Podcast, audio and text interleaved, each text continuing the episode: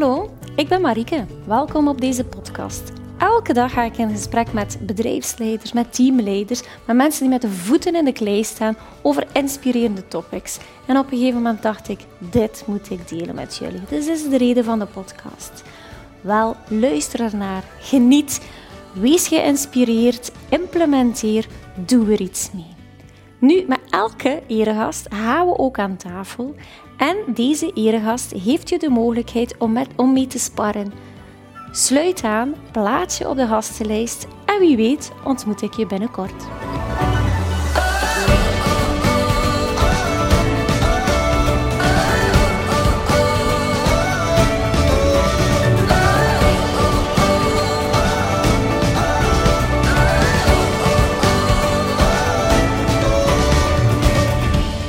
Vandaag heb ik Nathalie Laha aan tafel, te gast, aan deze tafel. Trouwens, onze ontbijttafel. Want zoals je weet, ga ik telkens met elke eregast hè, en nadien aan tafel om met andere uh, ondernemers te spreken. Maar Nathalie, wie ben jij? Ben ik er gaan grasduinen. Ik vind het een enorm fascinerend parcours. In die zin... Um, eigenlijk heb je meer dan 16 jaar, of toch 16 jaar, gewerkt in de verlichting en plotseling ben je nu bij het hout. Ja. Hebt gezeten van een salesfunctie, van mijn modular, dan uiteindelijk commercieel directiefunctie. Ja, klopt. Bij Wever en Ducré. Uh, bij Wever en Ducré, die een turbulente periode was voor Wever mm -hmm. en Ducré, ja. nota bene. En dan eigenlijk nu finaal sinds 2021 ja. Um, ja, CEO van Waroba is. Klopt. In het hout. Welkom aan tafel. Dankjewel. Bedankt voor de uitnodiging. Ja, jij weet, ik ga heel graag in gesprek met mensen die mhm. met de voeten in de klei staan. Ik vind het enorm belangrijk om gewoon dagdagelijkse zaken te bespreken en te horen. Uh, ik kan even goed een expert aan bod laten mhm. komen. Want eigenlijk hetgene wat mij boeit, hetgeen wat ik ook dagelijks mee bezig ben, is eigenlijk um, dat leiderschap, maar voornamelijk de teamontwikkeling. En team, zowel op horizontaal niveau als op verticaal niveau. En ik heb jou finaal... Wacht door finaal... Uh, nee, wacht. Ik heb jou een anderhalf jaar geleden in een panelgesprek uh, bezig gehoord. Uh, je was toen net, net een, gestart. Een jaar geleden, denk ik. Was een jaar geleden ja, net ja. gestart in jouw rol als CEO mm -hmm. van Robais. En ik vond het eigenlijk enorm boeiend. En dat was ook, je was de enige vrouw trouwens in het panelgesprek. Ja. Um, en je had een enorme toffe vibe weer. En je zei toen daar um, de slogan als... Uh, je mensen staan centraal. Mm -hmm. Dat weten we allemaal. Toen werd de vraag gesteld, ja, maar vanaf wanneer, hoeveel medewerkers neem je een HR in dienst? En toen gaf het antwoord... Ik had denk ik het twintigtal al gezegd, vrij, uh, allez, van een heel klein aantal. Um, dat is eigenlijk mijn ervaring bij, bij Wever en Ducré. Dus um, Wever en Ducré, ja, misschien de meesten weten het wel, heeft inderdaad een turbulentere, een minder goede periode gehad. Ik was eigenlijk gestart in een salesfunctie net aan het eind van deze periode. was toen in handen van een private equity. Um, en hebben we eigenlijk een doorstart gedaan in plaats van negentigtal mensen met vijf mensen. Dus eigenlijk uh, van een groot aantal mensen naar een heel beperkt aantal mensen. En dan vrij snel terug gegroeid. Um, en dat de meeste mensen zeggen, ja, hè, ja, zal toch geen HR in dienst nemen wanneer je nog maar met 20 man bent. Dat is eigenlijk een beetje overkill, uh, om de kostenstructuur toch wat onder controle te houden. Maar toch vind ik HR zo een belangrijk aspect. Um, dat zijn echt de fundamenten dat je legt voor de toekomst. En als je achteraf moet corrigeren, um, is het veel complexer dan als de krijtlijnen in een vroegtijdig stadium zijn, zijn uitgeschreven. Mm. Dus daar was dat inderdaad um, een, een, van de andere panelleden die zei: uh, Wat is een, een fout dat je gemaakt Allee, fout, of wat, wat zou je anders gedaan hebben in je leven? En dat hij zei: Ik moest veel vroeger een HR in dienst genomen hebben. En bij mij was dat net eigenlijk het omgekeerde verhaal: uh, dat de meeste mensen zeggen: Allee, wie, wie gaat nu een HR in dienst nemen? Uh, vanaf 20 man. Uh, maar ik sta nog steeds achter die keuze en, en ik vond dat de juiste beslissing. Uh, toen ik bij Varobais toekwam, dus nu iets meer dan een jaar geleden, um, was het ook een heel vlakke structuur. En ik hou van een informele uh, vlakke structuur zonder zware hiërarchie. Uh, daar hou ik van. Maar om verder te professionaliseren, om te groeien, heb je op een zeker moment wel een organigram nodig. Heb je teamverantwoordelijken nodig. Um, en dat was er niet toen ik startte. Dus als ik bij Van Robij startte een jaar geleden, waren we met een, een tachtigtal mensen. Ondertussen zijn we richting de honderd aan het gaan, een jaartje verder. Dus zijn we wel snel gegroeid. Ehm, en daar was het hetzelfde eigenlijk ook, niet echt een vaste HR. Er was toen een interim HR in dienst, uh, ja, heel tijdelijk nog maar. Um, maar vond ik het belangrijk om een, een vaste HR in dienst te nemen, om de firma verder future-proof te maken en klaar te maken uh, dat de fundamenten er zijn. Ja. Um, dat, ja, wat doe je met uh, loonpolicy, car policy, opleidingen, employer branding, onboarding. Um, ja, wat is de waarde, uh, imago van een bedrijf, reputatie van een bedrijf? Um, daar zeg ik altijd, people make the difference. Daar heb ik eigenlijk in mijn begincarrière bij Wever en Ducré Ehm, met een, minder positief imago. Hè. Uh, hadden we een faling. Ik was eigenlijk net aan boord gekomen al in een salesfunctie voor het faillissement. En heb ik eigenlijk in het doorstart dan eigenlijk in een directiefunctie met die vijf personen ah, okay. gestart. Dus ze hebben eigenlijk uh, vijf personen gehouden van het volledige bedrijf, ja. waarvan ik één was. Mm. Um, en um, dan, ja, dat vind ik echt uh, belangrijk van hoe kan je een, een minder positief imago op wereldvlak ja, viel dan nog mee, maar dan in België, dan in West-Vlaanderen, dan zeker regio Roeselare. Je hebt ook altijd gedupeerden, je hebt mensen die teleurgesteld zijn. Um, dat was niet een, een, imago vanaf nul, dat was even onder nul. En dan denk ik van, hoe kan ik dat vertrouwen terugwinnen? Allee, je krijgt maar één kans om een faillietbedrijf ja, ja. herop te starten. Mm -hmm. En allee, was dat ook met, met de juiste mensen dat we die doorstart gedaan hebben.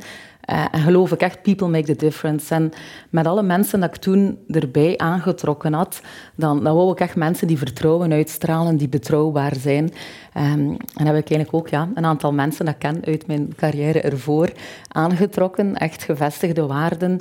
En vanuit een underdog-positie stelselmatig dat vertrouwen terugkrijgen van klanten.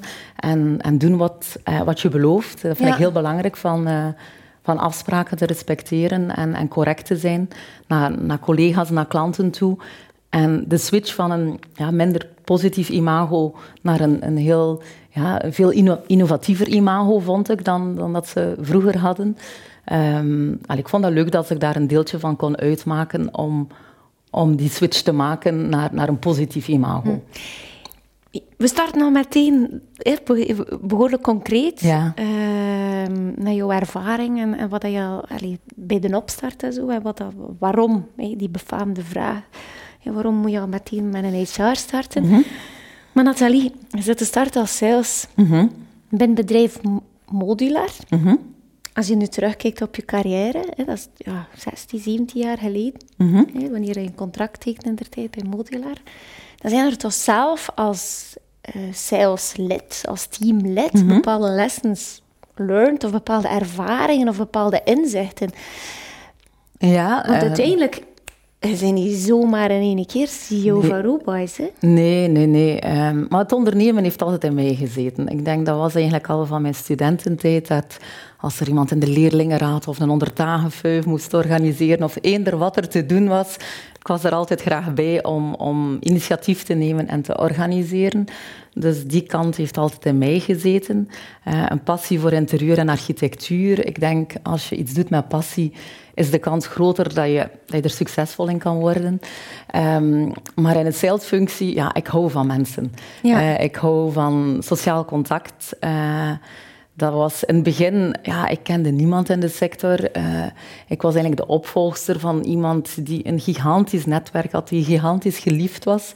En ja, dat was zo... Je moest dat had gaan vullen. Ja, en dat was echt geen cadeau. Dat waren allemaal mensen, de meeste vrouwen waren erop verliefd. En, ah, en, en dan, dan moesten ze met mij doen. Van, ja, en, dus uh, hun vaste salespersoon kwam niet meer over de vloer en ze moesten met mij doen, al die vrouwelijke fans. Uh, ja, zwart. Um, maar uh, dat, was, uh, dat was geen evidentie. Ja, Eén, productkennis. Allee, je moet ook weten over wat je spreekt. Hè. Um, vond ik dat ik daar een heel goede leerschool kreeg qua, allee, qua technische opleidingen. Heel diepgaand. Een product van voor naar achter. Uh, de R&D bij Modular kon eigenlijk heel goed ja, de sales brieven om op de markt te gaan. Wat zijn de USP's, de technische aspecten. Dus ik heb eigenlijk heel ja, een goede leerschool gehad qua productkennis. Hè, dat start. Maar dan vond ik het ook een zeer goede leerschool qua netwerken. Uh, waar Modular eigenlijk wel goed in was, uh, was uh, ja, de mensen verbinden, mensen met elkaar in contact brengen. Ehm, en op de projectmarkt, heel specifiek, um, hangt alles aan elkaar. Als zo'n kleine wereld, um, als een architect voorstander is, maar je hebt ook de plaatser nodig, je hebt je groothandel nodig. Um, en de cirkel moet rond zijn. Als er één iemand in het beslissingsproces zegt van nee. ah, ik werk niet graag met dat merk, ja. um, dan als, als een... Dan wordt hij niet getekend. Ja, voilà. Ja. Als een elektricien zegt van goh, ik vind dat product niet installatievriendelijk, ik werk daar niet graag mee, ja, dan, dan mag je nog zoveel je best gedaan hebben op alle andere posten, uh, met architect, met ingenieur, architect, studiebureau, uh, met dealer, dan, dan haal je toch niet binnen. Mm. En dat heb ik echt geleerd van zorg dat je alle decision makers in een project, dat je iedereen bewerkt. Mm. En het relationele, ja, ik denk dat er toch nog altijd een beetje een ouderwetse gunfactor is in de sales. Um, iedereen, ja, de, de Olympisch minimum is een goed product, een goede kwaliteit. Maar het zijn meerdere merken die dat hebben, die een goed product, een goede kwaliteit hebben. Mhm. Dat, daarmee start het. Hè. Correcte prijszetting. Eh, je hebt eigenlijk al iets gezegd die een extra is. Je hebt daarnet verteld, die opleiding, die mm techniciteit dat je meekrijgt als sales. Want uiteindelijk, bij wijze van spreken, kun je op de markt gaan staan en je kunt het product verkopen. Het is een mooi product.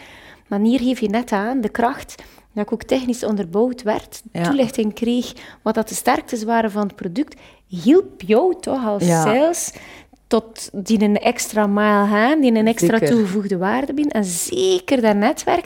Ik ben al bokkensprongjes aan het doen. Ik heb het gevoel dat Hans als gesprek zo zal zijn, maar ik heb de indruk dat we op dezelfde ritme zitten.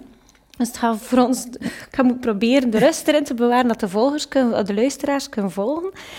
Um, als je er gewoon bent om met gelijk welke stakeholders rekening mhm. te houden, van plaatsers tot effectief de mensen die het intekenen, mm tot finaal de eindklant die zegt, ja, ik vind het een mooi product, dan zitten daar toch lessons learned ook in, in de latere fase, bij organisaties, bij structuur. Klopt. Allee, de, de ketting is zo sterk als je zwakste schakel. Ja je hebt dat eigenlijk op salesvlak, maar je hebt dat in een bedrijf ook. Ja, Daar heb je operational, finance, dan heb je alle... Ja, de volledige flow moet, moet ook werken, de logistieke flow. Um, dus, en omgaan met mensen en verschillende type mensen. Een, gesprek met een ingenieur-architect uh, heeft andere accenten dan met een plaatser. En, en ik vind het eigenlijk boeiend, je hebt bepaalde mensen die zeggen oh, ik doe heel graag architecten, of ik heb minder affiniteit in de werffase. Ik vond eigenlijk de diversiteit heel leuk. Uh, ik vond ook de persoon die plaatst, kon mij beter argumenten aan, in een andere fase van het salesproces kon ik beter argumenteren doordat ik ook contact had met een plaatser.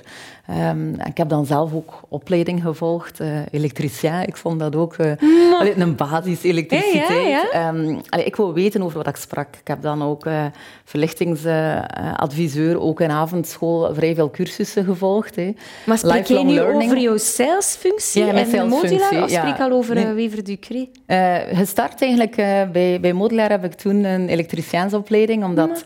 Ik wil me niet beperken tot het moment dat dat kabeltje uit het plafond kwam. Dat ik eigenlijk kom. Als vrouw in de bouw vond ik moet je extra jezelf bewijzen. Heb je dat gedaan op één initiatief? Ja, ja. En, en de toenmalige CEO hij, hij, lachte met mij, omdat dat was zo de procedure dat elke opleiding van de HR moest goedgekeurd worden door de CEO.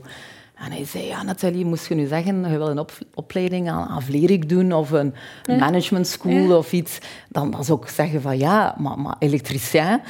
En toen was mijn respons van het ene sluit het andere niet uit. En, en heb ik eigenlijk ja, beide opleidingen gevolgd. Heb je daar iets um, van meegenomen in je latere fase om dat aan te bieden aan... Um, ik, ja, ik vind dat als, belangrijk. Als opleiding te koer, als ja, ik, je moet continu jezelf bijscholen, ja. uh, kritisch zijn. Uh, de manier van zaken doen van, van tien jaar geleden is niet meer de huidige manier van zaken doen. daar had ik bijvoorbeeld met ja, iets oudere salesmensen de switch naar e-commerce. Uh, die waren daar wat conservatiever soms naar. Maar dan, dan denk je van, ja, je succesverhaal van tien jaar geleden is niet meer future-proof. Ja, eender welke business is vandaag ook e-commerce. Uh, het zijn niet de eerste producten online, uh, was kledij of, uh, of een cd of een boek. Maar nu is elke business is ook, het is dan meer een B2B-platform, maar je moet ook mee innoveren. En zeker in een hoogtechnologische sector als verlichting, uh, stilstaan is achteruit gaan. De switch naar de LED-technologie. Uh, maar ook in de houtsector merk, merk ik dat uh, ja, heel veel innovatie. Ik, ik hou van, van fabrikanten die, die mee innovatief zijn, die rond duurzaamheid bezig zijn, die, die vooruitkijken, die niet puur... Dit is ons product en dat is Ja, voilà. Die vooruitstrevend zijn. En, en als je ziet, met, met wie werk je graag samen, met wie wil je long-term engagementen maken, dat zijn mensen die ook vooruitdenken. En dan is het circulaire verhaal. Hout is ook een dankbaar product rond uh, alleen, duurzaamheid. Uh, bouwen met hout is een, is een goed product. Uh, vroeger had ik dat met ledverlichting ook, een lager energieverbruik. Ja, dus duurzaamheid is toch wel iets ja, dat je ik vind dat wel belangrijk. Ja. Ja, Ik, en ik merk ook dat de jeugd nog veel meer met duurzaamheid bezig is. Dus als je een businessmodel wil hebben dat future-proof is, ik denk dat een generatie die iets ouder is dan mij soms bepaalde mensen duurzaamheid zoals een noodzakelijk kwaad zien. Hè. Uh, maar, maar dat je merkt dat ja, de global warming, tien jaar geleden, veel mensen dachten van, oh, dat is ver van mijn bedshow. Maar ik denk ja, met het huidige klimaat dat iedereen realiseert, het is er. Maar ik ga jou bijstaan. Mm ik, uh, ik, was als moderator, uh, spreksmoderator was op dat moment, in een boekhoudkantoor. Mm -hmm. werd de vraag gesteld, wat, is, uh, wat zou een, een, een, troef zijn om ons op de markt te plaatsen? Mm -hmm. Om mensen te recruteren. Mhm. En dat was een open gesprek, eerst de kleine teams en dan vervolgens de kleine brainstorm samen de groep uh, overlopen. En ik had al gehoord dat er één groepje enorm bezig was met duurzaamheid. Mm Boekhoudkantoor, duurzaamheid. Ja. Ik dacht, ik ga, ik ga gewoon laten doen, mhm. want ik begreep het volledig niet welke kant het op ging. Meestal zou ik zo durven bijvragen stellen, dat ik voelde, ze zijn verkeerd, verkeerd op weg. En het moment dat we samen in de groep zijn maar mag men presenteren, vond het men cruciaal, en dat was niet enkel jonge mensen die in dat klein groepje zijn, vond het cruciaal om te kunnen uh, aantonen dat men een link had, het bedrijf, het boekhoudkantoor, een mhm. link had met duurzame bedrijven. Ah, met iets terug te doen voor de maatschappij. En ik dacht, ook jullie als boekhouder geven hier nu aan als extra mm troef voor medewerkers uh, ja, aan boord te halen en dan, het was een, het was een volledige visie. visie Het was echt een visie van... Ehm, uh, kunnen we niet onze klanten gaan segmenteren en voor duurzame mhm. klanten gaan werken, waardoor dat we op die manier dat ze een rol kunnen spelen als, als consultant voor duurzame bedrijven. Dan was het een beetje verder die het ging en die zegt van ja, nee, misschien kunnen we gewoon met wat dat wij doen iets terug doen. Dat, mm dat was een ongelooflijk boeiend gesprek. En het is finaal uh, in hun uh, statement mm gekomen om verder uit te werken. Wat kunnen we doen voor duurzame bedrijven? en ja, het waren geen jonge nee, teamleden. Dus, dat is eigenlijk des te beter ja, als, als het bij iedereen ingeburgerd is. Maar Was fascineert daardoor. Ja, het... Um, allee, eigenlijk, um, dus de hoofdaandeelhouder van Varoba is, is een private equity. Ja. dat is de firma Sofien Def. Uh, daar, um, wie dat er onder andere aandeelhouder is, is, uh, is de familie Colruyt, mm -hmm. familie Boel. Mm -hmm. um, en het is ook een, een, doelbewuste keuze om in welk type bedrijven wensen wij te participeren. En uh, gaan ze ook actief op zoek naar ja, duurzame en een, ja, met hout bouwen in je interieur of exterieur um, is een duurzame manier. Mm. En dat er bewust eigenlijk eh, ook door banken ehm, heb ik al vernomen dat bepaalde sectoren geen leningen meer krijgen van banken, omdat ze willen ethisch bankieren en zeggen van kijk, dit, dit past niet voor, uh, voor onze stakeholders. Hebben we ja, beloftes gemaakt om, om enkel in dit type bedrijven te mm. investeren. Mm. Ehm, dus dat zijn zaken die je vroeger niet kon inbeelden. Denk, mm. denk uh, alles die een rendabel businessmodel had, eender welke sector, was, was goedgekeurd. En dat mensen daar nu bewuster mee omgaan. Ja. We gaan een keer terugkeren. Ja? 2.0. Van Roba is 2.0. Mm -hmm. ja. start. Als ik me niet vergis, waren twee neven. Hè? Ja, klopt, inderdaad. Ja. Deze zijn op heden niet meer actief? Eén um, persoon wel. Um, ze zitten allebei nog in de raad van bestuur, ja. allebei nog steeds aandeelhouder. Um, maar één persoon heeft nog een operationele rol en één heeft zich uh, iets meer van het leven gaan genieten, ja. uh, iets meer vrije tijd genomen. Ja. Maar is zeker nog strategisch uh, aanwezig op de raden van bestuur. Loopt niet meer rond, bij wijze van spreken, nee. dus dat was een ja, babytje een beetje loslaten. dus dat waren twee neven. Moeizaam om te starten? Want het is waarschijnlijk op hetzelfde moment als jou. Ja, dus eigenlijk um, ja, heb ik twee weken overlap gehad. Dus dat was heel kort. Um, het was een, een, ja, een bewuste keuze om aan een bepaalde leeftijd meer van het leven te genieten. En, en chapeau, hij, hij, hij, doet dat ook en uh, op, een, op een leuke manier. Um, maar ik denk, ja, als je, dat is nu de derde generatie, beiden hadden eigenlijk geen kinderen die interesse hadden om uh, in, in het bedrijf verder te gaan. En, zitten in farmacie of in andere sectoren. Dus ik vind ook niet dat, dat je per se kinderen kan pushen om in de voetsporen van ouders te treden. Uh, dus eigenlijk zijn ze op zoek gegaan naar een externe CEO, omwille dat er eigenlijk geen opvolging was binnen de familie. Um, maar ik vind dat heel belangrijk ja, je krijgt een bepaalde verantwoordelijkheid van een familiebedrijf, dat is hun kindje. Mocht ik een bedrijf met mijn familienaam hebben en je moet dat eigenlijk in, in handen geven van iemand extern, Um, dat is toch een nieuwsgierige vraag, nu dat ik ga staan, sorry voor het onderbreken. Um, heeft men jou gecontacteerd? Ja, ja. Of was het een open vacature? Nee, nee, nee. nee. ze hebben mij gecontacteerd. Ja. Via een headhunter, ja. via een tussenpersoon. Okay. Ja. Um, ja, ik was eigenlijk niet van plan om, om te veranderen, want voor mij was Wever en Ducré eigenlijk ook een beetje een stukje mijn kindje. Uh, vanaf nul opnieuw een doorstart gedaan uh, en deed ik mijn job heel graag. Um, maar er was één, ja, één trigger uh, die, die de headhunter, toen dat hij mij belde, en die mij toch dacht van, ik ga een keer gaan luisteren. Um, de droom om ooit iets, een stukje van mezelf te hebben, of een bescheiden stukje van mezelf te hebben, uh, en dat er participatiemogelijkheid was. Okay. Uh, dus, allee, weliswaar minderheidsaandeelhouder, een klein stukje, hm. maar dat vond ik naar, naar commitment, um, als je ergens gewoon op de payroll staat, of ja, je werkt alsof dat voor jezelf is. Um, en dat is iets dat ik eigenlijk graag wil doorgeven aan iedereen. Van, uh, ik vind dat belangrijk, een bepaalde engagement, een bepaalde passie. En dat je lange termijnvisie hebt. En ja, moest ik ooit de mogelijkheid zeggen dat ik zeg van iedereen kan een stukje participeren.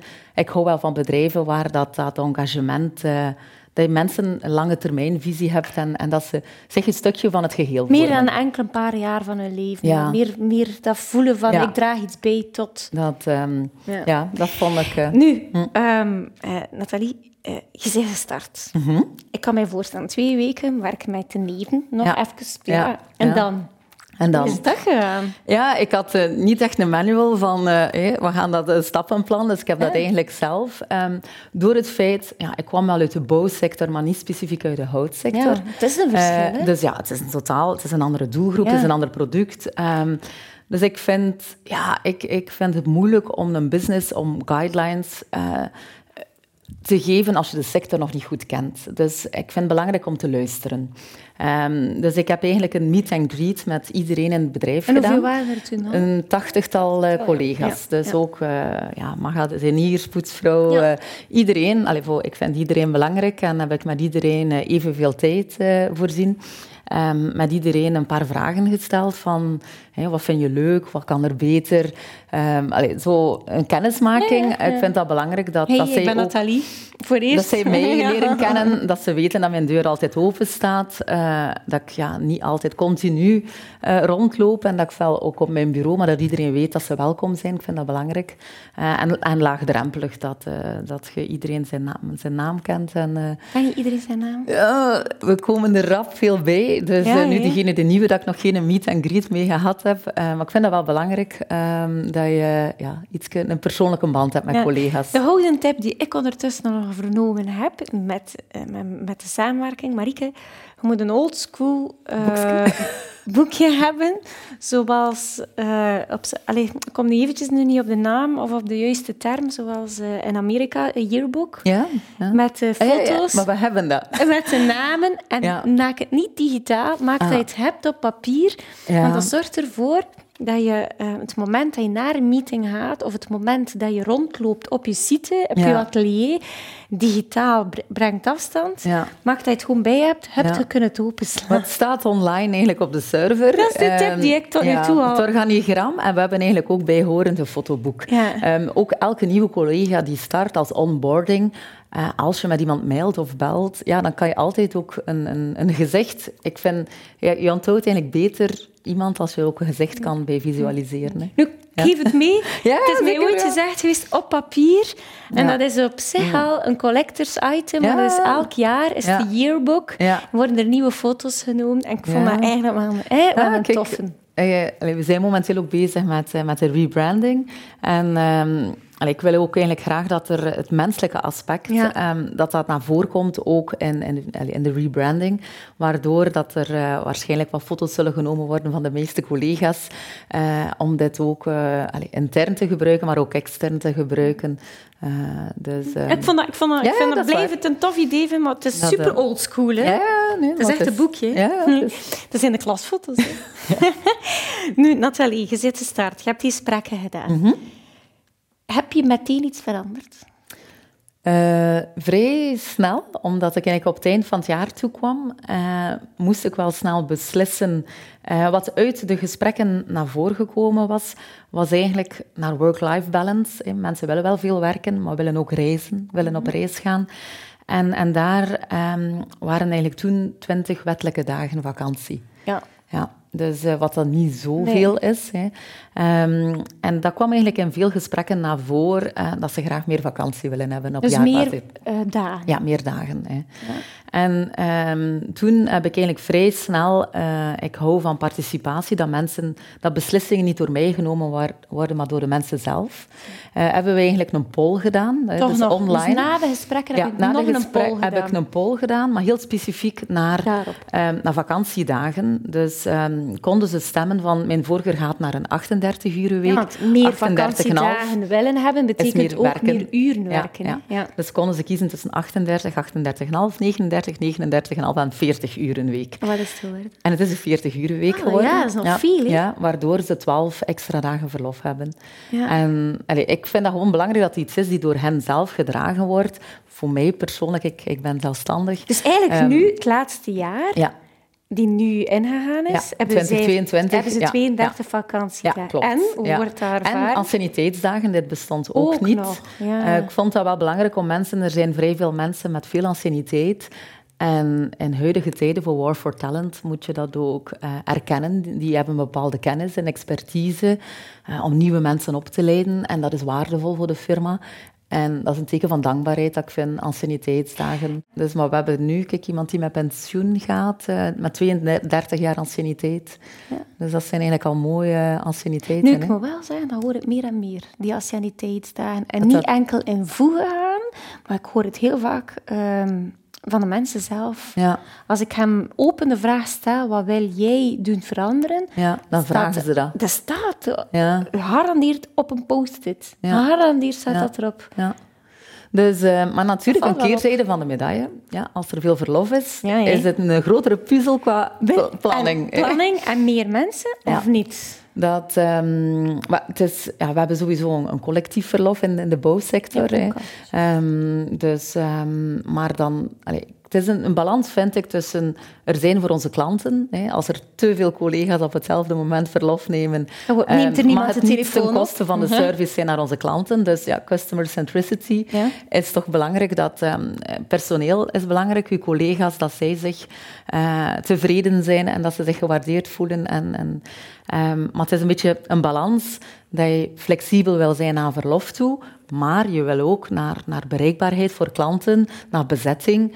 Ja, als iedereen in heel drukke piekperiodes allemaal op hetzelfde moment verlof neemt. Mhm. Dus dat is een beetje een grotere puzzel om te maken, maar dat lukt wel. Mm. En bij wie ehm, ligt die puzzel? Bij de HR? Uh, eh, en bij de teamleaders eigenlijk ja, ook. Die hebben eigenlijk de verantwoordelijkheid voor hun eigen afdeling, operationeel werkend. Ja, ik heb nu een suggestie gegeven. Stel dat je als teamleader merkt dat iedereen op hetzelfde moment verlof wil nemen. Um, is dat niet leuk om, om eigenlijk uh, ja, daar zelf ook een beslissing in te nemen en iemand het verlof te ontzeggen? Wel te geven en of te ja, wie dat er het snelst is, heeft voorrang. Of ehm, dat we eigenlijk eh, een joker zouden willen doen van wie dit jaar zegt, kijk, ik ga een beetje water in de wijn doen, dat die volgend jaar of de volgende verlofperiode uh, als eerste mag kiezen. Zodanig dat het een beetje ja, in balans is. Ja.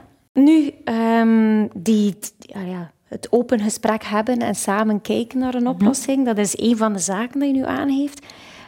Um, verlof, dus die aantal mhm. dagen. Mhm. Is het, ik vermoed dat er nog iets is. Of was dat nummer één dat Wat ik gewijzigd heb. Ehm, ik heb ook het, ja, uh, het organigram was super vlak. Ja, maar je zei het daar net dus, al. Hè? Dus de twee neven en een team van 80 mensen. En ik weet het niet. Hè. Ehm, het is misschien een directe vraag, maar die twee neven, namen zij alle twee een gelijke rol op? Ja. ja. Dus eigenlijk, een met andere woorden... 50-50. Het was 50-50, maar het was niet dezelfde verantwoordelijkheid. dus ze hadden eigenlijk elke, een afdeling. Ja, klopt. Ja. Oké. Ja. Maar eigenlijk kwam het erop neer dat er bijna 80 mensen aan twee mensen rapporteren. Hè. Dus dat was eigenlijk ja. Uh, afhankelijk van afdelingen die ze opgesplitst hadden. Ik voel je komen. Ik heb daar net al verteld tegen jou, voordat de opnames begonnen. Um, soms wordt er aan mij gevraagd, ja Marieke, wat doe jij nu exact? Hè? Mm. Ja. Um, ik noem mij vo volledig geen coach. Ja. Ik voel me meer een moderator en ik merk dat ook. Als ik in een organisatie kom, is het vaak op vraag van... We hebben een gesprek dat mhm. we willen doen, modereren door jou. Ofwel is het een moeilijk gesprek, naar aanleiding van een overname, naar aanleiding van twee teams die één worden en we willen hen leren kennen en we willen zelf niet de dominante rol opnemen als teamleider of als bedrijfsleider om mhm. te veel te sturen. Low profile in gesprek. Dat zijn dan heel vaak ook de basisvragen, maar wel degene die het belangrijkste mhm. zijn in functie van teamwerk. Ofwel krijg ik heel specifiek de vraag, Marike, de mensen bij ons op de vloer, ik begreep ik dat aan geen kanten, maar zij, ik heb het al honderd keer gezegd en die informatie komt niet door. Ja.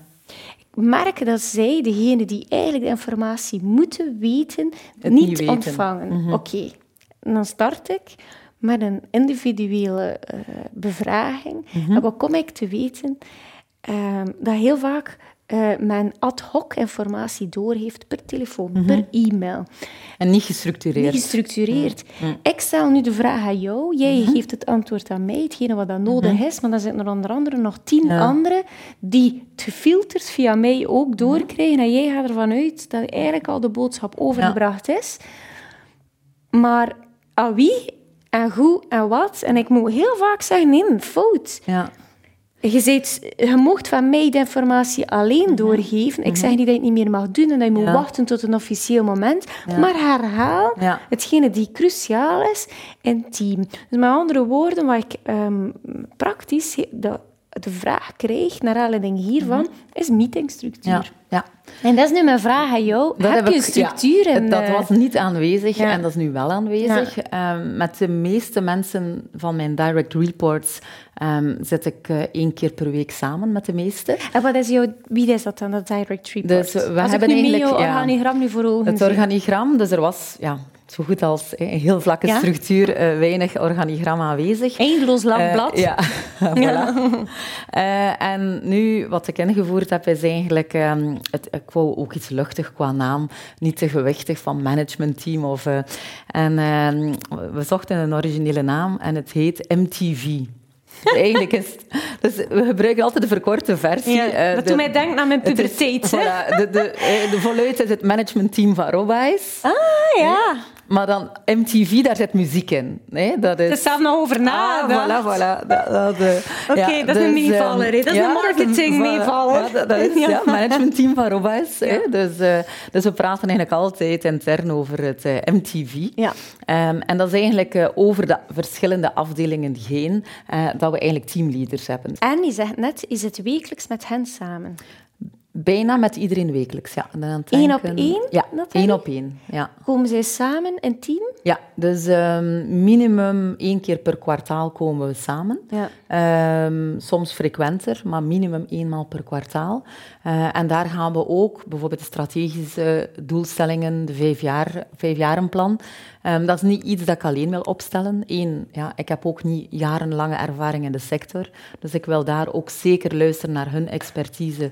Het zijn allemaal collega's die heel lang in de sector zitten, uh, heel veel goede ideeën hebben. En dat het ja, luisteren, filteren, kanaliseren van ideeën. Uh, dus nu zijn we eigenlijk bezig met uh, het vijfjarig strategieplan verder uit te schrijven en te fine-tunen.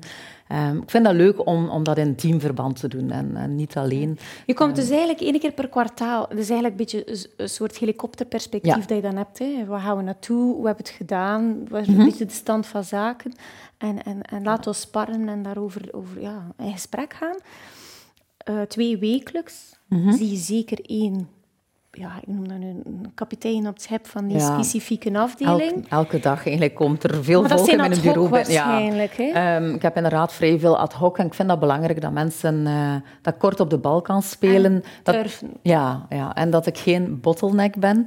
Ja. Um, in het begin uh, waren er uh, vaak collega's die niet wisten van... Ah, ik heb eigenlijk een, uh, een deur waar ze niet zien of ik in meeting zit of ah, niet. Ja, ja, ja, en in het begin vonden ze het continu storend van, ah, Nathalie zit al in meeting. Of, uh, allee, het is eigenlijk een beetje de zoete inval in mijn bureau.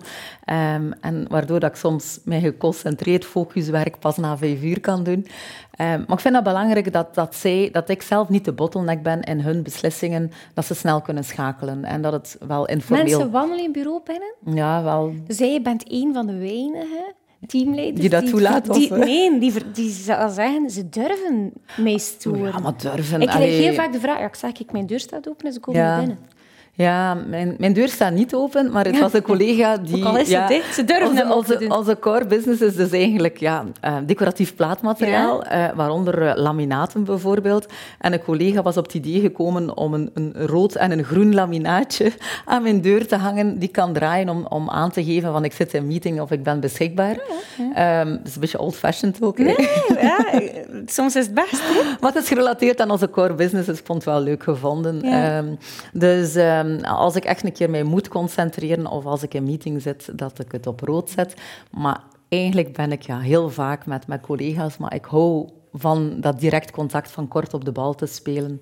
Uh, dus. Wat ik heel vaak merk, um, ik weet natuurlijk niet hoe dat jij bent georganiseerd, maar deze vaste meetings inplannen mm -hmm. heeft een ongelooflijk psychologisch effect voor eigenlijk de andere partij. Mm -hmm. Het feit dat het in de agenda staat, ja. wij staan op, ik maak tijd voor jou. Ja. Ik, dat is zo net als dat je... Hey, uh, ik heb dat soms... Ik, ik, woon hier in het centrum van Roeselare. Je gaat te voet, ik zeg nu maar iets, naar de bakker of zo. Of, of, of, of naar de stad. Mm -hmm. Maar je komt iemand tegen dat je kent. En die persoon zegt van... Oh, lang geleden. En hoe is het? En hoe gaat mm -hmm. het? Oh, we moeten nog een keer afspreken. Nee, ja, heb, wie een schijn en je hoort ja. eigenlijk niks ja. niet meer. Ja. En dan heb je andere uh, mensen die je tegenkomt die meteen het hebben handen nemen en die zeggen van, ja. Kom volgende week of kom vanavond. Ja.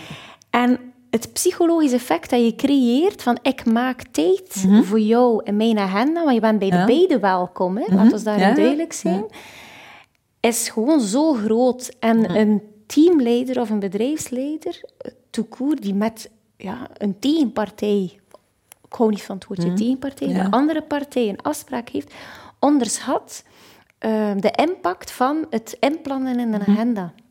En het, het, verplaatsen en te zeggen van het schikt nu niet in mijn agenda, dat is mm -hmm. niet erg. Iedereen ja. begrijpt het op voorwaarde mm -hmm. dat die opnieuw worden gepland. Ja. Maar wij hebben Soms... allemaal niet graag dat je een vriend hebt die afbelt. Ja. Je begrijpt het, hè? gelijk welke situatie, kinderen of ziek -hmm. zijn of gewoon puur, ja, het lukt niet. Maar als die persoon afbelt en niet voor een alternatief komt, dat komt ja. heel raar ja. binnen. Nee, nee. Er, er, wordt soms intern geschoven, maar soms zelfs de dag zelf. Ja? Van in plaats van de voormiddag is de namiddag. Het wordt wel gedaan, ja. Soms uh, kan ik niet anders dan wat schuiven in mijn vaste meetings. Um, of de dag ervoor of de dag erna. Um, het voordeel aan, aan vaste tijdstippen in de agenda is dat alle uh, puntjes waar je aan denkt, dat je wil overleggen met die persoon in kwestie, steek je in jouw to-do's. Um, terwijl als je continu die persoon gaat storen, ja, het is tien keer efficiënter als je zegt, kijk, nu heb ik mijn tien topics dat ik wil bespreken. En als ik tien keer gestoord word voor... Uh, kijk, Nathalie, je spreekt nu als ervaring, eh, madame zelf, maar je mo ik moet dit af en toe herhalen. Het lijkt mij zo basis, mm -hmm. maar ik moet af en toe zeggen, ja, jullie spreken elkaar veel, jullie zitten samen in het bureau. Mm -hmm. Maar je wordt dan toch ongelooflijk veel gestoord. Niet efficiënt. Ad hoc, dat je vastzit en dat je effectief die, die toegankelijkheid hebt, ben ik grote fan van. Maar ik ben er 100% van overtuigd als je een afspraak hebt in je agenda, dat je heel veel kunt bundelen, waardoor dat veel efficiënter kan Allee. en ook dieper kunt gaan. Hè. Nee, nee. Dus inderdaad, die, die diepgaande meetings, ja, dat zijn ook bijvoorbeeld de strategische meetings. Dat is een halve dag en dat is niet een uurtje of een half Nee. uurtje. Ehm, en, en dat is voorbereid en heb je agendapunten en topics. Ehm, maar bepaalde ja, informele momenten eigenlijk de, de korte momenten die ze nog mijn bureau binnenkomen, dat duurt nooit lang. Allee, om, omdat we eigenlijk ons vaste momenten al hebben, waar we veel doen. En het zijn echt die heel snelle beslissingen, waar je in vijf minuten buiten en binnen zit. Dus, dus eh, door het feit dat we die vaste momenten hebben van een uurtje one-to-one... ehm, Maar kunt je focus blijven Ja. behouden op andere momenten. Ja, ja, ja. En op dat moment. Nu, Nathalie, jij spreekt ook over dat je houdt van een positieve teamgeest Ja. bouwen. Dat lijkt me, ja, zo'n schone zin. Schone, hé, maar wat is dat dan? Maar Of wat doe je helpt, dan? Het helpt als je van nature uit zelf positief bent. Ja. Eh, ik ben een Ik optimistisch... kan bevestigen, je zit hier met een glimlach. Ja, je bent hier met een glimlach toegekomen. Je straalt voor mij nu positiviteit Ja, allee, ja, ik ben van nature uit vrij Ja. positief. Ehm, langs de andere kant ja, mochten we ook niet naïef zijn, hè, dat, je, dat je soms in alles het positieve ziet. Ehm, maar ik geef ook altijd iedereen het voordeel van de twijfel. Ik ga niet rap negatief eh, zijn over bepaalde situaties. Als je vertrekt van realistisch positief. Hè. Ehm, ik heb eh, zo een, een term in, in het zeilen, dat ze bijvoorbeeld zeggen, hè, de, eh, de pessimist, eh, hè, de realist en de optimist. Ik weet niet of je die uitspraak kent. Hè, de, de optimist ehm, of de pessimist zegt er is geen wind. Hè, en en de, de de optimist zegt, er zal morgen wel meer wind zijn. En hij zegt, de realist past zijn zeilen aan om het beste te maken van de situatie dat er is. Ehm, dus ik denk, je moet in het leven niet enkel optimist zijn, maar ook realist. Niet, niet naïef optimistisch. Ehm, maar ja, ik vind... Het, het helpt als je van nature uit positief bent. En daar probeer ik een beetje met leading by example om mijn positivisme uit te stralen op anderen. Ehm, het gaat ook rond, rond respect, waardering. Ehm, dat dat waarden zijn, dat je dat probeert dat te verstuiven bij iedereen, dat positivisme. Eh, maar niet iedereen Dat is... menselijke waarschijnlijk, hè, voornamelijk. Allee, ik probeer dat ook een beetje in te recruteren. Ehm, als je mensen allee, binnenhaalt die een zonnetje zijn, dat is zoveel leuker. Allee, ik vind, uiteindelijk spendeer je vrij veel uren op je job. Als je dat kan spenderen met mensen die glimlachen, die vrolijk zijn. Ik heb een collega die fluitend door de hang loopt. Ik vind dat leuk. Nathalie, ik word daar ook vrolijk Ik heb van. vorige week een gesprek gehad. In een team waren er twee die op een gegeven moment stopten met communiceren Mhm. met elkaar. En ik dacht, allee, die waren zo op weg. Dat hele team, want dat team heeft een hele lastige periode achter de rug. Een beetje ver- vertrouwen verloren in elkaar. En ik dacht, allee, die twee waren degene die op dat moment in dat gesprek, in dat lastige gesprek, zo echt als, als, als frontwoman. Zo op. Mhm. En plotseling was dat gedaan met communiceren. Ik, ik was daar ongemakkelijk van en eigenlijk de dag nadien ben ik gewoon puur naar het bedrijf gereden en heb ik gewoon die twee, want eigenlijk was ik op dat moment meer in, in het was geen opdracht in het bedrijf, maar ik dacht, ik moet die twee doen praten, er is iets gebeurd. En alle twee zijn ze, er is niets gebeurd. En wij starten het gesprek koud. Hè. Wat ga ik hier vertellen? Uh, Marieke, waarom moet ik hier in gesprek gaan? En stelselmatig kwam het uit. De ene persoon had een vraag gesteld aan de ander. En die zat op dat moment met haar handen in haar haar, letterlijk voorovergebogen achter haar computer. En die zuchtte en die zei... "Pff, ja. Waarop dat de ander met een vraag toekwam. Ja, maar dat weet ik eigenlijk nu niet hoor. Ik ga dat ze biedt op antwoorden. Ja. Waarop dat de andere, ook een emotioneel persoon, heel spontane reflex maakte. Weet je wat? Ga ik u niet meer lastigvallen? Heb jij stress? Ik ga je daar nu niet mee storen. Ik ga mijn plan trekken en ik ga wel zelf de oplossing van vinden. Waardoor dat degene die toen zuchtte, Ja. negatief reageerde op het feit dat ze niet meer om hulp is komen vragen. Ja. Reageer- lichaamstaal door. Ja. Ja. Toen in dat gesprek werd er letterlijk gezegd van... Dat is gewoon misbegrepen. hè. Ik heb mijn plan getrokken, maar ik dacht, je bent overstelpt van werk. Ja. Ik ga dat oplossen. oplossing van gevonden. Ik dacht, ik ga jou helpen, net door jou niet meer te storen. En dan zegt, ja, maar je hebt mij nu niet meer gevraagd. Door dat uit te spreken en we het kunnen closen. En heeft zij gezegd, ja, dat is waar. Ik heb een enorme negatieve houding. Ik besef dit, ik sta daar niet bij stil. En de ander zei, sorry, maar als je zo uitstraalt naar mij, dan kom ik niet meer met hulp vragen. En voilà. Het was uit, uitgeklaard. Het was opgelost. Maar je kunt zoveel oplossen door gewoon ja, in dialoog te gaan. Om te luisteren naar elkaar. Wat scheelt er, wat is er? Maar in het begin, uh, Nathalie, ik dacht hier dat gesprek komt. Oh nee, maar ik geloof in het gesprek. Dus ik geloofde dat het voordeel had.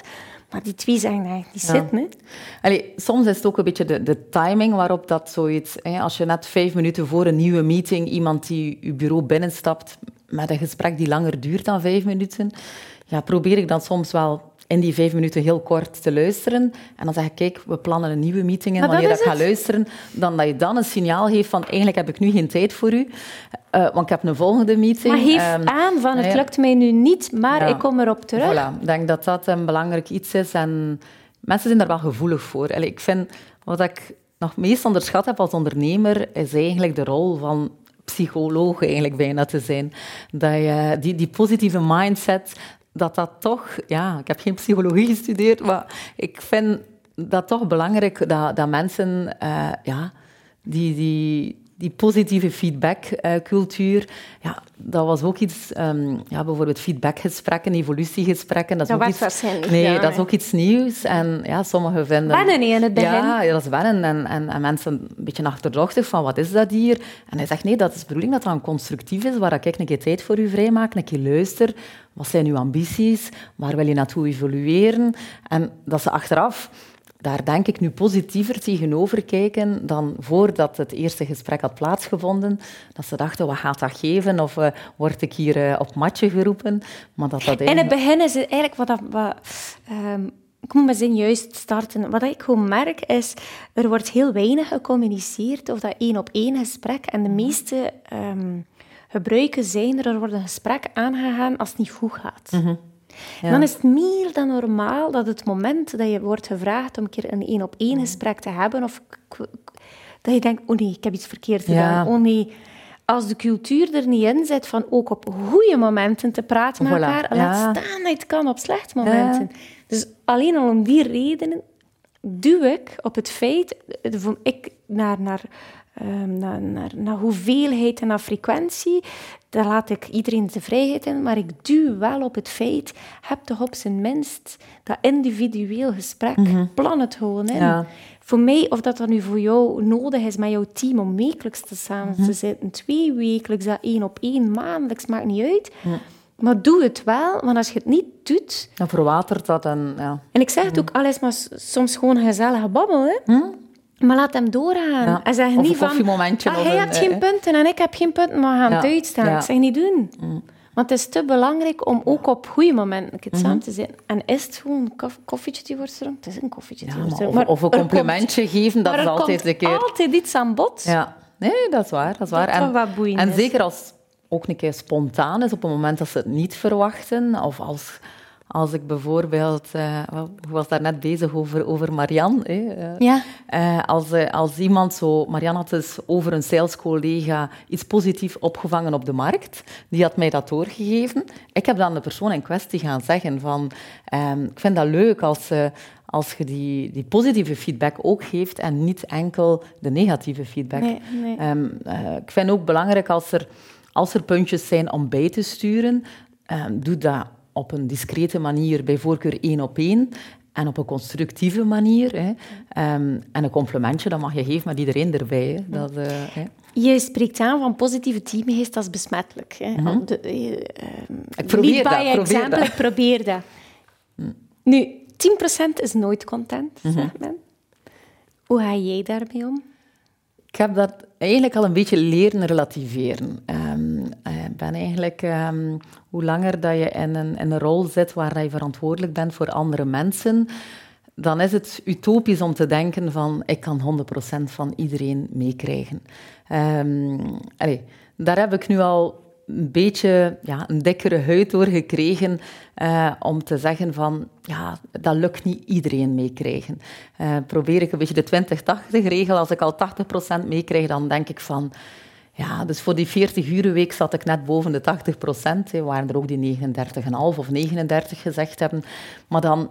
Ja, ik, ik denk dat dat het meest eerlijk is. Als de meerderheid het als positief aanvaardt, mm. dan moet je daar jezelf... Mm. En ja, in de politiek en in alles hebben we nooit een, een unaniem uh, eh, 100% van de mensen mee. Ik denk dat dat niet realistisch is. En dat je dat moet beseffen. Van, je kunt dat ambiëren om 100% te krijgen, maar je moet daar een stukje aanvaarden dat dat nooit gaat lukken. En dat heb ik denk ik met, met ouder worden al iets beter kunnen plaatsen. Als ik jonger was, denk ik dat ik daar meer problemen mee had. Uh, maar uh, hoe langer dat je in zo'n rol bent, hoe meer dat je toch een beetje relativeert. Ja. Zijn er bepaalde activiteiten dat je opgezet hebt met HR voor die positieve teamgeest? Uh, nu hebben we eentje lopen. Allee, we hebben ja, eh, we hebben een krantje, een personeelskrantje, waar vaak eh, bepaalde collega's uh, gehighlight worden op een leuke manier. maar nu, naar de eindejaarsperiode, hebben we op Strava een groepje aangemaakt om beweging, after work. Het is net de koude periode. ja, ja maar dat, dus, dus fietsen, lopen, wandelen. en dat is eigenlijk het bedrijf een, een bedrag sponsort voor het goede doel in ah, functie van meer kilometers. ja. Dus dat zijn zo van die kleine informele zaken. Beetje um, een dynamiek. Ja, dat, Iets dat om over te spreken die we doen vaak van die dingen. Een, een pronostiek voor het WK-voetbal. Eh, zo een, een uh, zaken dat we zo onderling... Um, het mag ook wel een keer fun zijn. We hebben een, een fun-team opgericht. Dus die krijgen ook per activiteit een bepaald budget. Uh, dus, en, en, en autonomie. Nee, ja, binnen, het budget. ja, binnen het budget, inderdaad. Uh, is het nu met de Sint of met de Kerstman of met uh, sporten, met de collega's. Allee, eigenlijk probeer ik wel in de thema's rond gezondheid te werken. Hè. Hebben we uh, naar aanleiding van suggesties hebben we nu fruit op het werk of warme soep. Um, in het magazijn kan dat soms wat kouder zijn en als ze zich dan smiddags met een soepje kunnen verwarmen. Dat zijn kleine zaken, maar ik vind dat wel leuk als we kunnen bijdragen aan, aan een stukje teamsfeer slash gezondheid. Um, vind ik dat wel leuk, ja. Dus eigenlijk het investeren in dergelijke gezondheid, want uh, verse soep en dergelijke en mhm. fruit, dat is een kost. hè? Zie je echt als een, als een zorgen voor die positieve teamdynamiek. Die... Ja, allee, dat zijn kleine zaken. Ik ga niet zeggen nee, dat natuurlijk, dat, zijn geen grote kosten, maar toch, maar, um, het feit dat je doet... Kleine, allee, ik denk een, een, stuk van, van waardering. En, um, maar ik vind ja, af en toe een keer iets met de, met de collega's samen doen. Uh, ja, de inzet van de congé of van alles. En, en bij ons is het nog vaak een keer met een, een verkleedthema. Uh, dat was nu Hawaii uh, deze zomer. En het ijs is onmiddellijk gebroken als, als iedereen al wat uh, met een foto. Mij, hoor, een foto. Nee, je hebt niet zoveel kleur. Zo'n maar foto. ja, wat staat daar van? Marika in een verkleedkleren. Als ik naar een verkleedfeestje moet, dan denk ik, oh nee. Nee, dus, wat dat is vrijblijvend. Niet iedereen, maar ja, dan, ik vind de sfeer of de dynamiek rond een bepaald thema te werken is wel leuk, vind ik. Ja. Nu, um, ik ben als teammoderator, als, als, als gespreksmoderator vaak in bedrijven, maar ik werk ook heel veel met leiders. Mm Hoe kijk jij nu? Veel als ondernemer? Maar mm zegt ja... Als CEO niet enkel ondernemer, maar ook leider. Ja. Hoe bekijk je daar? voor mij is dat niet onder een zwaar hiërarchische leider. Ik ben graag één van het team. Um, dat vind ik wel... Um, maar ja, uiteindelijk ben je wel een leider. Um, Ze als... keken naar jou in dat Ja, ja, ja. Dus, dus en dat maakt vind, jou meteen een leider. Ik vind het uh, belangrijk dat je een beetje leading by example. Um, ik vind ook een participatieve stijl, daar hou ik van. Uh, dat mensen weten van, heb je suggesties? Um, ik kan de mening herzien. Dat ik zeg, ah ja, kijk, ik had het zo nog niet bekeken onder die invalshoek. ik hou van dialoog. En dan ook een stukje situationeel leiderschap. Um, niet elke persoon vergt vraagt dezelfde aanpak om succes te hebben. Dat je merkt dat je met persoon A er meer iemand kan motiveren op die manier en persoon B uh, liever op een... Ja, mensen die heel graag blow, facts and figures, excels uh, hebben als motivator. En je hebt anderen die graag een schouderklopje hebben als motivator. Uh, dus elk eigenlijk is, is, mijn job het maximum uit iedereen halen. Het juiste potje op het juiste... lukt jou dan nog? Ha, je hebt natuurlijk um... wel jouw team, maar lukt het jou nog? Voor mezelf? Of, uh, ja, voor hen. Hè, om hen te triggeren. In dat, omdat je zegt, dat, ik verwacht dat van mezelf als leider om te doen voor hen. Ik, uh, ja, ik, ik vind het ook belangrijk dat ik dat, ik dat monitor en meet. Hè, dat ik eigenlijk met een tevredenheidsenquête, dat ik eigenlijk nu zowel intern wil doen of ook naar klanten dat we kunnen zien door de beslissingen die we genomen hebben gedurende het jaar, maken we evolutie. Ja. Zijn, een zijn, ja, zijn de collega's happier hè, uh, rond, uh, ja, eigenlijk rond well-being, uh, work-life balance. En dat we zeggen, kijk, één jaar later gaan we opnieuw een foto nemen van de situatie. Hebben we positieve stappen gemaakt? Naar klanten vind ik het ook belangrijk. Hoe percipiëren ze Waarobais? werken ze graag met ons samen? Wat zijn onze werkpunten? Ik vind dat enorm belangrijk stellen, wat je zegt, want het nadeel is van dergelijk welbevinden en well-being, is dat dat niet makkelijk meetbaar is. Mm -hmm. Voor, voor Dixit, heel veel ondernemers die mhm. daar... Omdat het niet tastbaar is. Mm. Maar door het gewoon op een scorecard aan te duiden, is het wel tastbaar. En dat zorgt net voor het... Ja, het vloeien die niet vloe is, maar goed, het vloeien, zo, die, die, die, dat wollige, dat, dat dat concreet wordt gemaakt mhm. en dat dat niet meer zo wollig is. Want het staat zwart op wit dat hetgene wat je gedaan hebt, geïnvesteerd. Want soms hoor je in organisaties, ja, we hebben dit gedaan we hebben dat gedaan. Mhm. Ja, kijk, het is nooit genoeg. Maar als je het meet, mhm. is het zowel voor jou als investeerder, voor daar kapitaal op dat moment in te stoppen, ja een antwoord van heeft het gerendeerd, maar ook voor hen. Ja. Want het is ook naar hen belangrijk van kijk, we hebben dit gedaan, omdat we daar belang aan hechten voor jullie, dat ze daar nog eens worden herinnerd mhm. van de soep, de, de, de, fruit, de fun. Mm Men vergeet dit soms, maar dat mag ook een keer op zo'n enquête-analyse ook naar hen terug worden gepresenteerd van kijk, Allee, hebben dat gedaan. Hè? Ja, alleen zijn zaken, bijvoorbeeld ergonomie, hè, merk je dat, dat mensen dat ook wel belangrijk vinden en dat we, dat we dat ook in kaart willen brengen, dat we daar ook al progressie gemaakt hebben. Um, dus dat is zo step by step. Hè. Het is nog niet volledig. Uh, hè. En dat is een, een ongoing proces uh, van verbeteringen uh, dat, we, dat we aan timmeren. Hè. Um, maar ik vind, allee, ik vind dat leuk. het, het mag nooit eindigen. Hè. Het is uh, continu een verbeterproces en, en, en, kritisch naar jezelf durven kijken. Van...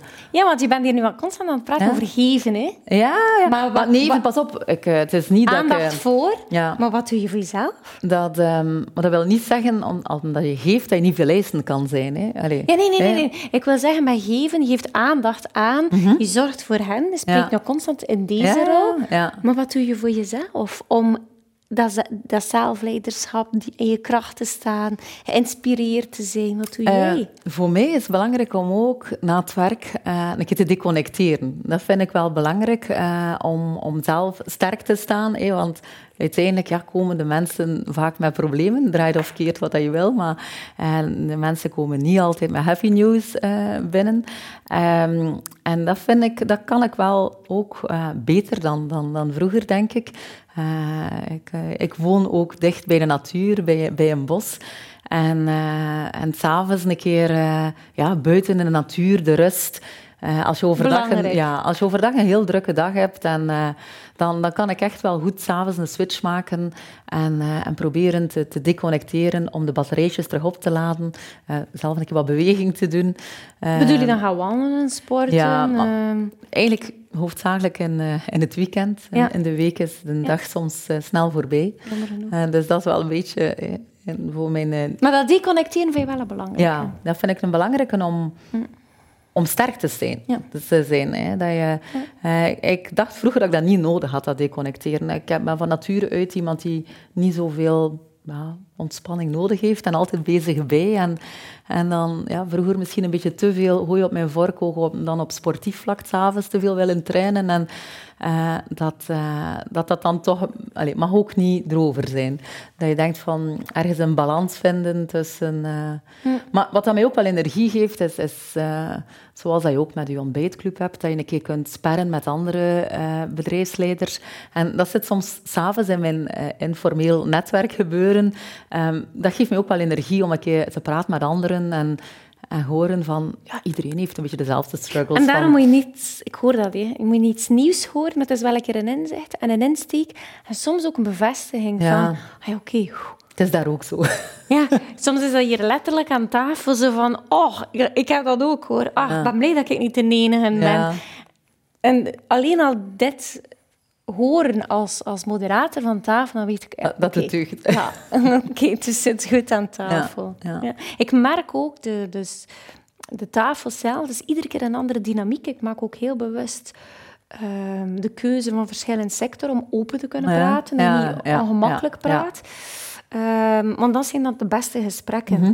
En doordat je met een verschil zit, zowel in anciëniteit mhm. ehm, als effectief in sector, maar en ervaring, merk je gewoon dat, dat iedereen van elkaar kan leren. Ik mhm. heb soms heel jonge teamleiders zeggen, ja, maar Marike, ja, nee. Ik zeg nee, want u instap, uw bepaalde naïviteit nog mm over teamleiden, je kan zoveel inspiratie ook geven aan iemand anders. Dat merk je. Mm.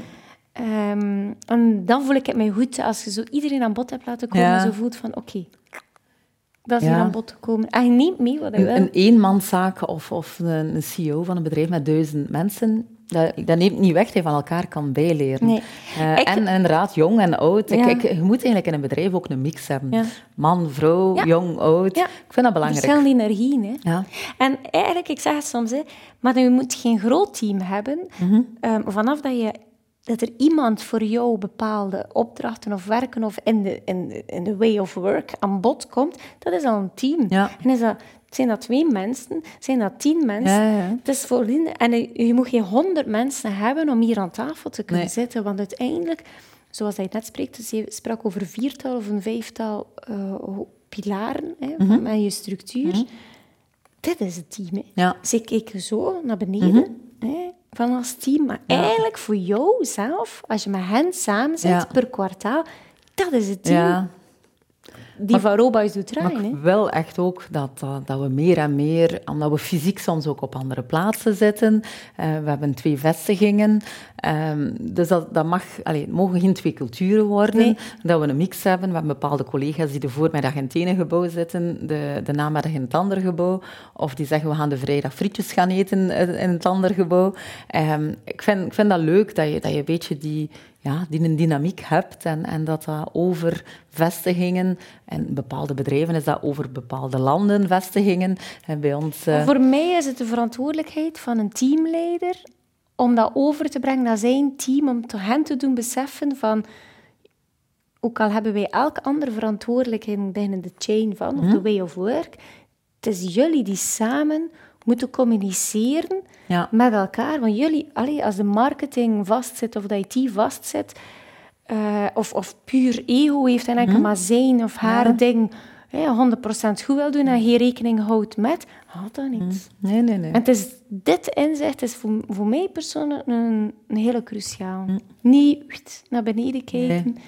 Wat is voordeel dat, daar een dat belangrijke rol in. Het is een vrij, vrij vlakke structuur, dus waardoor dat... Uh, dat we niet echt zo verticaal en ja, dat is meer een, groepsgevoel, horizontaal is toch? Maar in communicatie, Nathalie, heb je wel één iemand nodig die speak-up doet, naar effectief naar boven, maar ook naar beneden. Hè? Ja, en die communicatiekanalen, we hebben bepaalde topics die over de volledige firma heen zijn, die worden vaak door HR gecommuniceerd. Mm maar vaak heb ik zelf een bepaalde boodschap die ik dan aan de MTV-leden communiceer, die zij op hun beurt aan een team doen. Ja. Uh, want het is niet altijd fysiek makkelijk om een boodschap op hetzelfde tijdstip aan iedereen te geven, naar continuïteit toe, van iedereen die op zijn post zit, hè, uh, naar, naar uren toe. Ja, we hebben ook een vroege shift, een late shift. Het is niet altijd evident om, om iedereen op één tijdstip uh, nee. Het is ook een utopie om te denken dat dat kan. Ja. Degene die als ondersteuner is, zoals echt HR, doet een boodschap, op welk kanaal dan ook, als er mhm. wordt gekozen, um, is heel vaak krachtig als het ondersteunend is. Mhm. Ja. Men weet het allemaal, maar dan is nog altijd de belangrijke rol van de persoon face-to-face om naar zijn team dan nog te ondersteunen. En niet van te zeggen, ja, je weet het staat op mail. Nee, nog een keer. Nog een keer herhalen. nog een keer herhalen. Nu, Nathalie, er resteert mij nog één grote vraag. Mhm. Voel je jou een, bedrijf, een teamleider of een bedrijfsleider? Het is een moeilijke vraag. Ja, ik zou zeggen beide. Ehm, ja, bedrijfsleider, dat is dan...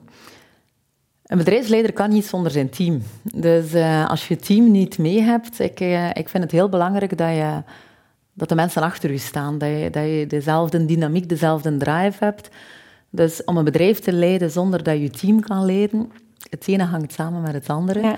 Ehm, ik, ik hou wel van ehm, als je bepaalde lange termijn plannen maakt, dat is echt op, op bedrijfsniveau, maar het moet gedragen worden door het team.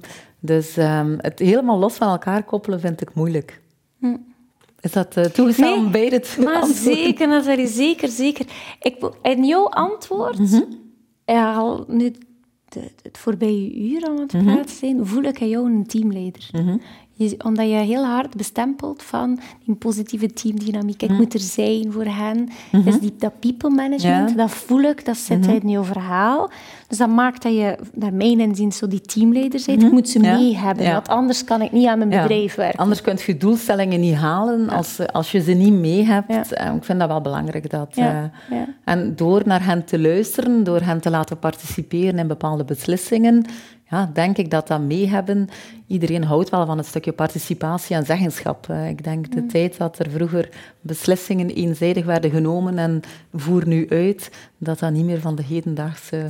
Ik denk als ik jou hoor praten, dat, er moet, dat ik geen buffer naast jou moet plaatsen om jouw ondernemingszin onder jouw bedrijfsleiderzin te vertalen naar het team. Nee, nee, ik denk dat ik dat wel zelf ook graag uh, die boodschap breng. ja. Ja. En los van dat je hem graag brengt, ik denk dat je er ook in slaagt. de...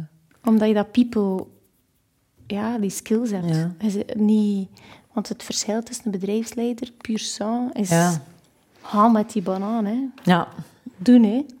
Ja, maar je kunt het niet alleen doen. Hè. Nee. Allee. Oké. Ja? Maar voor mij beide, ik voel jouw antwoord in beide. Niet tegenstaan, maar dat ik in je gesprek een enorme warme teamleider voel. Ja. Allee, maar ik vind dat een compliment. Ja, leuk voor Van Roepa is het. Ja, ja, ja. Nou, het is... Uh... Nee, het is een, een mooie afsluiter. Ja. Nu, um, af en toe is het is nodig om te deconnecteren. En ik heb een mhm. eigen reflectieboekje gemaakt. Ah, mooi. Um, sommigen noteren het om hun eigen reflecties op te... Of, gebruiken het om hun eigen reflecties te noteren. En anderen mhm. gebruiken het echt heel specifiek um, om met Marieke dan later in gesprek te gaan. Mm, dus kijk, ik gebruik het, doe ermee wat je wil. Oh. Ik ben zelf, um, als ik op reflectiebasis, moet ik schrijven. Ja. Ik kan uh, heel moeilijk reflecteren, puur in mijn hoofd.